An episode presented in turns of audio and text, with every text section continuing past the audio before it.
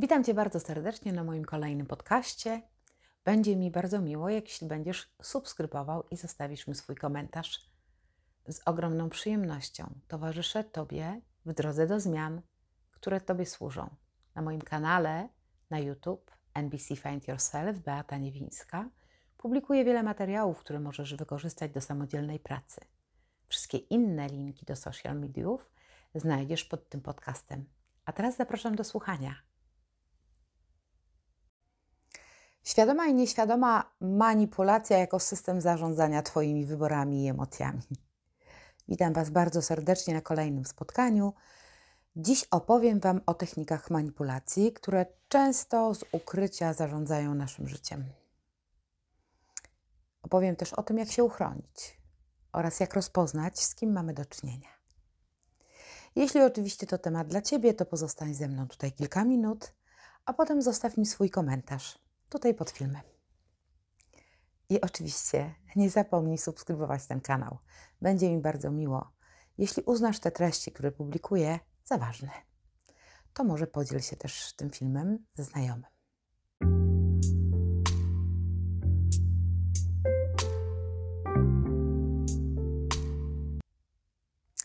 Manipulacja w języku chińskim dokładnie znaczy trzymać czyjąś dłoń, czyli mieć kogoś w ręce.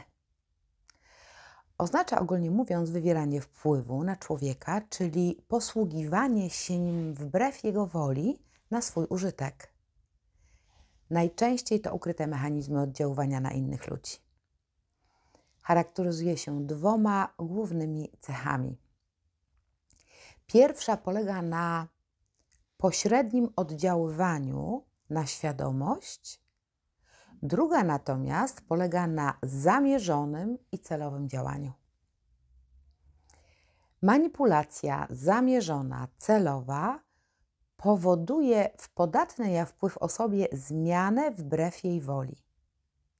Kiedy jest niedostrzegalna dla ciebie, wtedy jest najbardziej skuteczna i najbardziej zdradliwa. Oddziaływanie manipulacyjne jest okaleczaniem w bardzo różnym stopniu godność i wolność człowieka i związana jest również z odrzuceniem praw Twoich.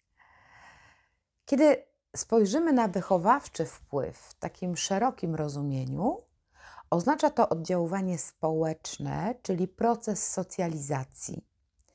Natomiast w tym węższym Odnosi się ona do świadomości i intencjonalności działań, które mają na celu ukształtować określone cechy osobowości lub zachowania danej osoby. Wychowanie to oddziaływanie na kogoś, na człowieka i na jego rozwój. A w manipulacji chodzi o coś, czyli nie dotyczy to kogoś, tylko dotyczy to czegoś, czyli to coś, co istnieje poza człowiekiem i jego takim rzeczywistym dobrem. Polega na zawładnięciu nim i dowolnym dysponowaniu dla własnych korzyści. Manipulowanie człowiekiem może się odbywać na zasadzie tak zwanego prania mózgu, czyli to jest taka bezpośrednia praktyka i praktyka pośrednia, która jest znacznie częściej, tak myślę, stosowana jest za pomocą werbalnej i niewerbalnej komunikacji. W ogóle komunikacja to konik. Obie te formy manipulacji odbywają się właściwie na płaszczyźnie przekazu informacji lub na płaszczyźnie emocji. Informacje to są te wszystkie formy, jak kłamstwo, oszustwo, celowe pomijanie pewnych treści, niepowiedzenie prawdy do końca, tego typu rzeczy, wyolbrzymianie im więcej tych niedomówień, nieprecyzyjności, tym skuteczniejsza jest manipulacja. W drugim natomiast przypadku manipulacja jest związana z perswazją i z wywołaniem określonego stanu emocjonalnego w tobie. I ten spryt w tej manipulacji polega na tym, że pozornie otrzymujesz wybór ale tak naprawdę w rzeczywistości wybór ten jest kierowany przed podsunięcie ci fałszywej lub niepełnej informacji czy wiedzy, czy narzucenie oceny, czy prowokowanie niekontrolowanych reakcji emocjonalnych, lub wszelkiego rodzaju ograniczenia, albo na przykład pozorna empatia. Sprzeczne komunikaty to takie, że niby masz wybór, ale pod ścisłą kontrolą i naciskiem. I z manipulacją spotykamy się w bardzo różnych obszarach życia społecznego, zarówno rodzinnego, grup społecznych, do których należymy, oraz silny wpływ za pośrednictwem środków masowego przekazu. Dobrym przykładem jest na przykład kształtowanie przez grupę rządzącą w danym momencie wszelkich przekonań społecznych dotyczących czy polityki, biznesu, reklamy, obszaru religii. Zobaczcie, jakie my mamy teraz środki, jak bardzo są one zróżnicowane i jak mocne. Środki, obecne środki masowego przekazu pozwalają nam w doskonały sposób ukształtować nieprawdziwy obraz rzeczywistości. Zobaczcie, w jaki sposób wyrafinowany ukrywa się stan rzeczywisty, głosząc takie bardzo pięknie, umiejętnie sformułowane półprawdy i nieprawdy. Zauważ, jak środki masowego przekazu umiejętnie wyselekcjonowane i prezentowane budują w tobie określone emocje, tworząc pewien klimat emocjonalny, w zależności oczywiście od potrzeb manipulatorów. Zobacz, jak wykorzystuje się muzykę czy symbole. Przecież kamera te telewizyjna może pokazać wszystko, co chce. Radość na twarzy lub jej bezradność, ból czy smutek. Może dobierać słowa o różnym zabarwieniu emocjonalnym. I ta możliwość dotyczy tej samej informacji, ale jeśli podawana jest w dwóch różnych, antagonistycznych źródłach, powoduje zupełnie odmienne reakcje uczuciowe. Bo do tego służy manipulacja. Służy ona również do tworzenia ogromnego systemu, w którym tworzy się też ważne role społeczne, które stają się dla nas autorytetami. Zostaną one tak zorganizowane przy zachowaniu pozorów, że służą dobru społeczeństwa. A tak naprawdę w rzeczywistości pełnią one tylko taką funkcję umacniania pewnych pozycji społecznych. Tego właśnie grona manipulatorów, dostarczając im posłusznych, podporządkowanych menadżerów, dyspozycyjnych sędziów, dyrektorów, prezesów itd. Tak Manipulant, czyli osoba posługująca się szantażem, jest skłonna do zastosowania nieograniczonych technik po to, aby osiągnąć zamierzony cel. Dla niej najważniejsza jest mieć przewagę i zwyciężyć. Manipulator uważa, że on ma zawsze rację i że jego potrzeby są najważniejsze. Kiedy obserwujesz taką osobę, to widzisz, że jej zachowania są skomplikowane. Dlatego też dość trudno jest zorientować się, kiedy w relacji zaczyna rozwijać się szantaż emocjonalny. Jeżeli manipulator robi to systematycznie, to w końcu nas złamie, czyli zmusi nas do uległości.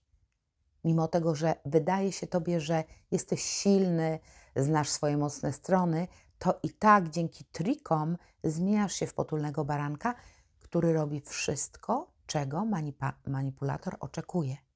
Wkręca ci wszystko, co chce. Zmienia Twoje zachowania w taki sposób, że na przykład zaczynasz przepraszać, choć wcale nie było tutaj Twojej winy, ani trochę, a jednak czujesz się winna, czy winny i robisz to. Emocjonalny szantaż nie jest zabawą. Jeśli masz codziennie kontakt z taką osobą, odbije to się na Twoim poczuciu wartości. System Twój nerwowy uaktywni w sobie wiele lęku, niepewności, aż do somatycznych objawów wielu bardzo poważnych chorób. Jeśli jesteś codziennie poddawany takim treningom wpływów, stymulowany przez groźby budzące Twoją niepewność, lęk, to tracisz siebie kawałek po kawałku. W, w interakcji z szantażystą nie ma miejsca na kompromis czy elastyczność. Nie ma zrozumienia, empatii czy współczucia. Pozbądź się złudzeń, że Twoje serdeczne usposobienie, Twoje serce pełne miłości coś zmienią. Jeśli uznasz, że małżeństwo czy dziecko będzie miało wpływ na manipulatora i poprawi Waszą relację, to zapomnij. Mówię całkiem serio. Poznałam wiele osób, które były przekonane, że są w stanie nauczyć partnera miłości, uwrażliwić go na odczuwanie emocji czy empatii dla innych. Ale to nie jest prawda. Manipulacja jest sposobem wierania wpływu społecznego, dotyczy oddziaływania na innych ludzi, wpływa na ich postawy, zachowania, na zmianę myślenia. I zmianę takie mogą osiągnąć manipulatorzy w bardzo różny, przebiegły sposób. Nakazy, zakazy, perswazje lub też posługiwanie się metodami, których działania mogą być częściowo lub całkowicie zatajone. Naprawdę nie masz tej świadomości. Jedną z takich przeszkód identyfikacji toksycznego oddziaływania jest nasze zaangażowanie emocjonalne. Bo zobacz, każdy z nas wchodzi w relacje pełen miłości, zaangażowania, zaufania. Wyobrażamy sobie wtedy nasze wspólne życie jako pasmo nieustających radości, spełnienia, zrozumienia i wzajemnego szacunku, wsparcia. Relacje oddziałujące na nas wzajemnie poprzez to, w jaki sposób my się komunikujemy. W ogóle to moim zdaniem komunikacja powinna być obowiązkowym przedmiotem w szkole, już podstawowej. I to już nieraz Wam powtarzam. Po to, abyśmy byli jak najbardziej świadomi tego, jak budować relacje. Bo kto nas tego uczy? Kto nas uczy tego, które z nich są dla nas odpowiednie, a których powinniśmy zdecydowanie unikać? W ten sposób, gdybyśmy się uczyli uważnie, uniknęlibyśmy wielu rozczarowań i bylibyśmy zdecydowanie bardziej zadowoleni. Zadowoleni z siebie, z życia. Kochani, sparring życiowy nigdy nie jest do przewidzenia, jeżeli chodzi o reakcję z drugim człowiekiem. W związku z tym czujemy pewnego rodzaju dyskomfort. Mimo tego, albo właśnie, że tak jest, powinniśmy sięgnąć głębiej po to, aby poznać anatomię całego cyklu nieporozumień. Bo to jest tylko w ten sposób możemy rozpoznać, czy nasz rozmówca wykorzystuje nas i manipuluje dla uzyskania własnych korzyści. Ze zjawiskiem manipulacji możesz spotkać się wszędzie. Wszędzie, w pracy, w domu, w sklepie, na ulicy, w gronie najlepszych nawet przyjaciół i w Twoim ukochanym związku. Dziś chciałabym się więcej skupić czy zatrzymać na przejawach manipulacji w życiu prywatnym jako źródło konfliktów rodzinnych. W zależności, słuchajcie, od klimatu życia, w rodzinie zjawisko manipulacji przybiera taki typowy dla danej rodziny charakter. Są to wszelkiego rodzaju techniki mające na celu wymuszenia bezwzględnego posłuszeństwa, uległości, podporządkowania, czy wykształcenie postawy konformistycznej u wszystkich członków rodziny. Najczęściej występuje to w rodzinach, które mają już pewien rodzaj zaburzonej właśnie komunikacji interpersonalnej, w których nie pozwala się, nie uczy czy nie zwraca uwagi na jasne, szczere wyrażanie swoich potrzeb, próśb, poglądów. Do takich najbardziej typowych, ukrytych strategii manipulacji zalicza się osiem, tak myślę, osiem z tego, co znalazłam. Oskarżanie, osądzanie, wzbudzanie poczucia winy, wzbudzanie litości, szantaż, przekupstwo, zjednywanie, okazywanie chłodu uczuciowego i ujawnianie symptomów. Co ciekawe, ta ostatnia strategia jest stosowana wtedy, kiedy wszystkie inne strategie manipulacji nie powiodą się. I wtedy ludzie odczuwają napady depresji, bóle głowy, migreny, czyli są to tak zwane próby zaspokojenia ukrytych swoich potrzeb. Formy tych zachowań występują zarówno w związkach małżeńskich, jak w relacjach rodzice-dziecko, a także w układzie między rodzeństwem.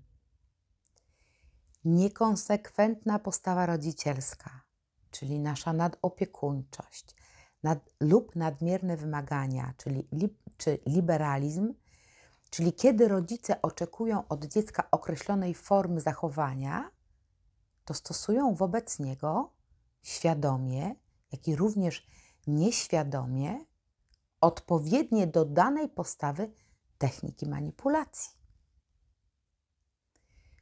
Zobacz, kiedy obdarowujesz swoje dziecko prezentami w postaci pieniędzy czy jakichś rzeczy materialnych, by zyskać jego posłuszeństwo lub jego akceptację, aprobatę, czy jesteś zbyt liberalny, a jeśli jesteś zbyt wymagający i uciekasz się na przykład do takich ostrych, nieraz bardzo surowych kar, by wymusić na dziecku uległość, wtedy doświadczasz bezwzględności i posłuszeństwa. I smutne jest to, że w dzisiejszych czasach nadal rodzice nie wiedzą, jak postępować z dziećmi, jak kochać je bez stawiania warunków, bo sami doświadczali warunkowości. Dlatego też trudność wykrycia zachowania toksycznego polega na tym, że wielokrotnie ona w ogóle nie jest oczywista. Wtedy w sposób nieświadomy odciska piętno nawet tam, gdzie dorosły ty nie możesz zdawać sobie sprawy z tego, że, rodzicielsk, że coś jest nie tak z rodzicielską miłością. Jako przykład podam. Przecież zobaczcie, Niby nic w tym dziwnego, że rodzice chcą, aby się nimi opiekować. To są nierzadkie przypadki. Zauważ, zachowanie rodzica w relacji z dzieckiem, kiedy matka lub ojciec oczekują, by dziecko się nimi zaopiekowało w bardzo różnej formie. Ja nie mówię tutaj o przypadkach jakiejś tam niedyspozycyjności czy niepełnosprawności rodziców czasowej, co jest zupełnie zrozumiałe. Mówię o innych formach wykorzystania. Idąc dalej, jeśli rodzice oczekują, by dziecko na przykład je finansowało, lub kiedy wszystkie obowiązki zrzuca się na dziecko, lub wręcz się twierdzi, że dzieci po to są, by służyć swoim rodzicom. Oczywiście mówi się, żeby na starość podały szklankę wody, ale jest tym coś więcej niż tylko gest podania szklanki wody. Między innymi parentyfikacja już od dziecka, czyli odwrócenie tej ról tych ról, procedur uprawiany przez rodziców na swoich dzieciach. A przecież to rodzice mają obowiązek zajmować się dzieckiem, zapewniać mu bezpieczne i szczęśliwe życie, a nie załatwiać dzieckiem własne traumy, dzieciństwa czy jakieś niespełnione marzenia, ambicje. A jednak często tak nie jest. Kiedy dziecko się buntuje i walczy o swoją sprawę, stawia granice to często spotyka się z karaniem i wbijaniem w poczucie winy. Może to znasz. Kiedy jesteśmy wychowani w powinności, w służeniu rodzicom, dozgonnej wdzięczności i podległości na zasadzie ja tyle przecież dla Ciebie zrobiłam, zrobiłem. Czas na rewanż. Sami odpowiedzcie sobie na pytanie. Toksyczny człowiek to na pewno ten, który uważa, że jego uczucia są ważniejsze i często z tymi uczuciami licytuje się. Uczy w ten sposób ciebie, że ty nie jesteś ważny. Kolejnym przykładem w rodzinie może być to, na przykład jak trzymamy coś w tajemnicy, co dzieje się w domu. Zamiatamy pod dywan agresję rodziców wobec siebie i nie uznajemy lęku, Nie pozwalamy na odczuwanie smutku i strachu dzieciom. Na przykład mamy zakaz płakania. Na jednej z sesji mężczyzna powiedział mi, że jego matka, kiedy biła, nikt nie wiedział za co, bo biła w różnych okolicznościach, nie pozwoliła mu płakać i biła dopóki przestał on płakać.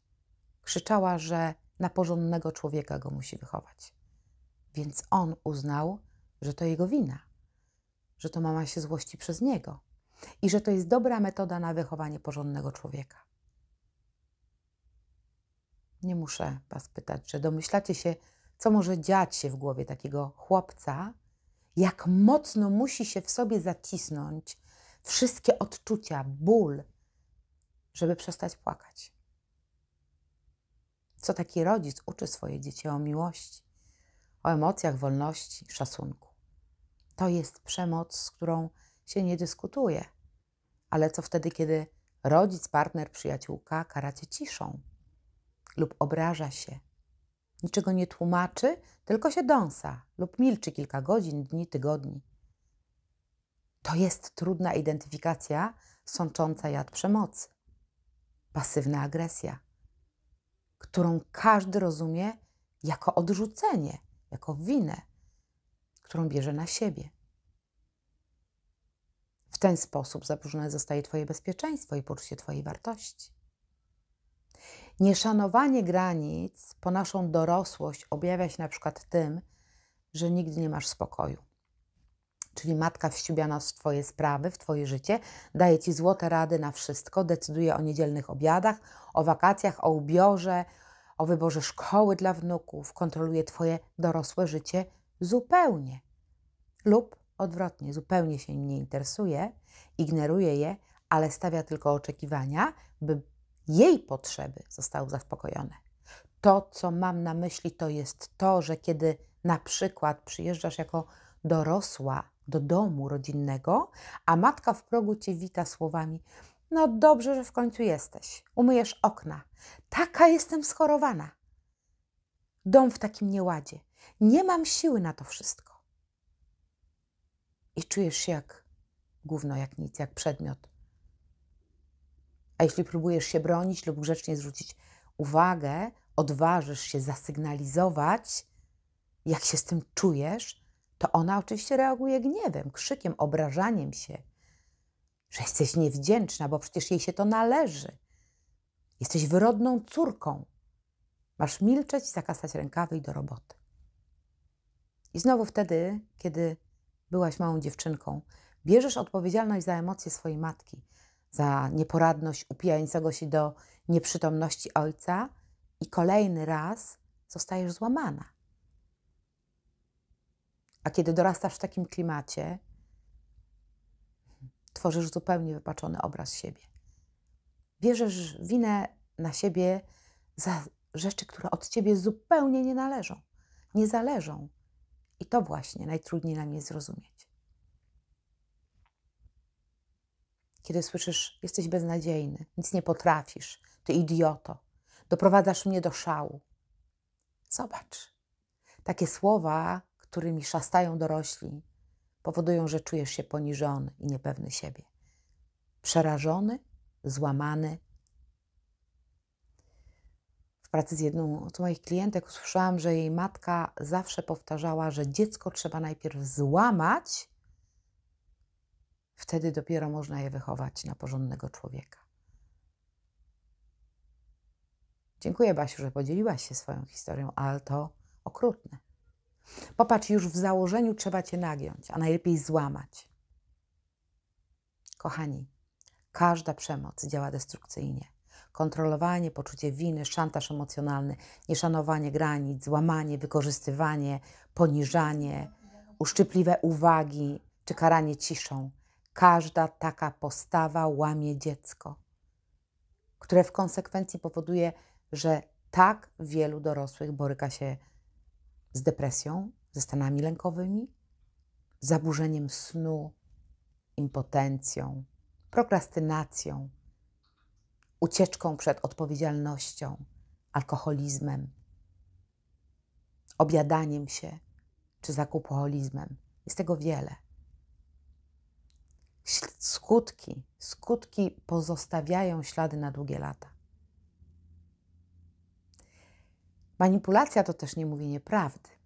To jest ciekawy temat, dlaczego kłamiemy. Bo rodzice nas okłamywali. Obiecali coś, czego nigdy nie spełnili i nawet nie mieli takiego zamiaru. Kłamali tylko po to, żeby osiągnąć swój cel. Na przykład, na przykład w kościele mówili: bądź cicho, to pójdziemy na lody. Matka to obiecała, a zaraz po wyjściu z kościoła zapomniała o lodach i zapomniała o tobie. Kłamała. Ważne było dla niej Twoje zachowanie i to, co ludzie o niej powiedzą, jak ją osądzą. Może sam pamiętasz, czy sama, te krytyczne spojrzenia bogobojnych osób karcące dziecko, które się kręci. To jest dla matki najbardziej znaczące niż to, że dziecko w kościele się nudzi. A może mu zimno, może mu chce siku. Cokolwiek mu jest, nikt się tym nie interesuje a dziecko przecież ufa bezgranicznie matce i po obietnicy staje cichutko i zaciska w sobie swoje potrzeby. Kiedy odkryje, że nie warto było, nabiera przekonania, że nie warto ufać, ale też przez to uczy się manipulacji, składając obietnicy bez pokrycia. Kiedy rodzic za karę stawia dziecko w kącie zamyka w innym pomieszczeniu, na przykład takim jak łazienka, i nie zapala tam światła, i mówi do dziecka: Będziesz tam długo tak siedział, aż się uspokoisz.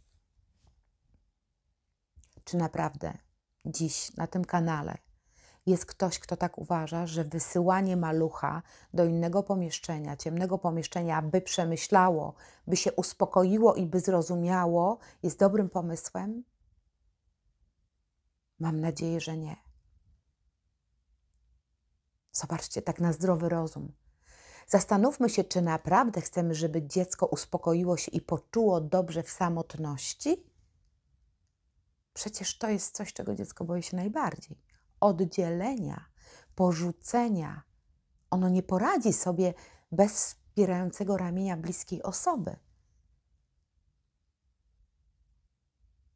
Izolowanie dzieci którymi targają silne emocje, uczy je, że nie ma sensu szukać pomocy. Nawet w potrzebie nie ma po prostu sensu sięgać. Trzeba sobie radzić samemu. A to z kolei zaburza jego rozwój emocjonalny, społeczny, poznawczy. Wtedy mały człowiek tłumi w sobie emocje, zamyka się w sobie i przestaje ufać. Więc jeśli są na kanale dzisiaj młodzi ludzie, młodzi rodzice, którym naprawdę zależy na swoich dzieciach, to proszę, najpierw weźcie głęboki oddech, zanim ukaracie swoje dzieci, swoje ukochane dzieci, kiedy skażecie je na samotność. A jeśli nie radzicie sobie ze swoimi emocjami i aż ręce was świerzbią, żeby uderzyć dziecko, to odwróć się. Daj sobie 2-3 minuty i zadaj pytanie, dlaczego chcesz to zrobić. Może szybko dojdziesz do wniosku, że to tylko Twoja niemoc. Może to niemoc pcha Cię do używania przemocy. Uwierz mi, że jeśli weźmiesz kilka głębokich wdechów, łatwiej będzie Ci poszukać wspólnego rozwiązania poprzez danie maluchowi wsparcia. Oczywiście, że jasno możesz zasygnalizować, że to zachowanie nie podoba Ci się, że jest niewłaściwe. Przecież już dzisiaj jesteś dorosły i znasz te schematy, znasz te mechanizmy, które funkcjonowały w Twoim dzieciństwie. Więc dzisiaj możesz tak wiele zmienić w Twojej relacji z Twoim dzieckiem, w Twojej relacji z samym sobą. Kiedy zrozumiesz skąd te napięcia, złość, agresja, będziesz może łatwiej, może będzie łatwiej zwrócić się o pomoc do kogoś, żeby się nauczyć, jak reagować na powielane schematy zachowań z dzieciństwa, by uwierzyć, że ty nie jesteś niczyją własnością, że nikt nie jest niczyją własnością. Należysz tylko do siebie i masz prawo czuć tak, jak czujesz. Dziś też świadomie i odpowiedzialnie możesz reagować na manipulacje. Zdradzę Wam tajemnicę. Najbardziej skutecznym sposobem radzenia sobie z chęcią stosowania manipulacyjnych form oddziaływania jest jasne komunikowanie manipulatorowi o tym, że rozpoznałeś jego grę i nie masz zamiaru brać w tym udziału. Proste, ale niełatwe. Jasne, odważne postawienie sprawy powinno wzbudzić tej drugiej osobie refleksję i wpłynąć na jego zmianę postawy. Jeśli natomiast tak się nie stanie, tak się nie dzieje, to może wskazywać, że mamy do czynienia z osobą toksyczną, więc warto się temu przyglądnąć. Zdecydowanie głębiej, z uważnością. Jeśli lękasz się zdemaskować manipulatora, to dajesz mu ciche przyzwolenie na jego zachowanie. Pamiętaj o tym. Na dziś to już wszystko. Pozdrawiam Was serdecznie i do usłyszenia.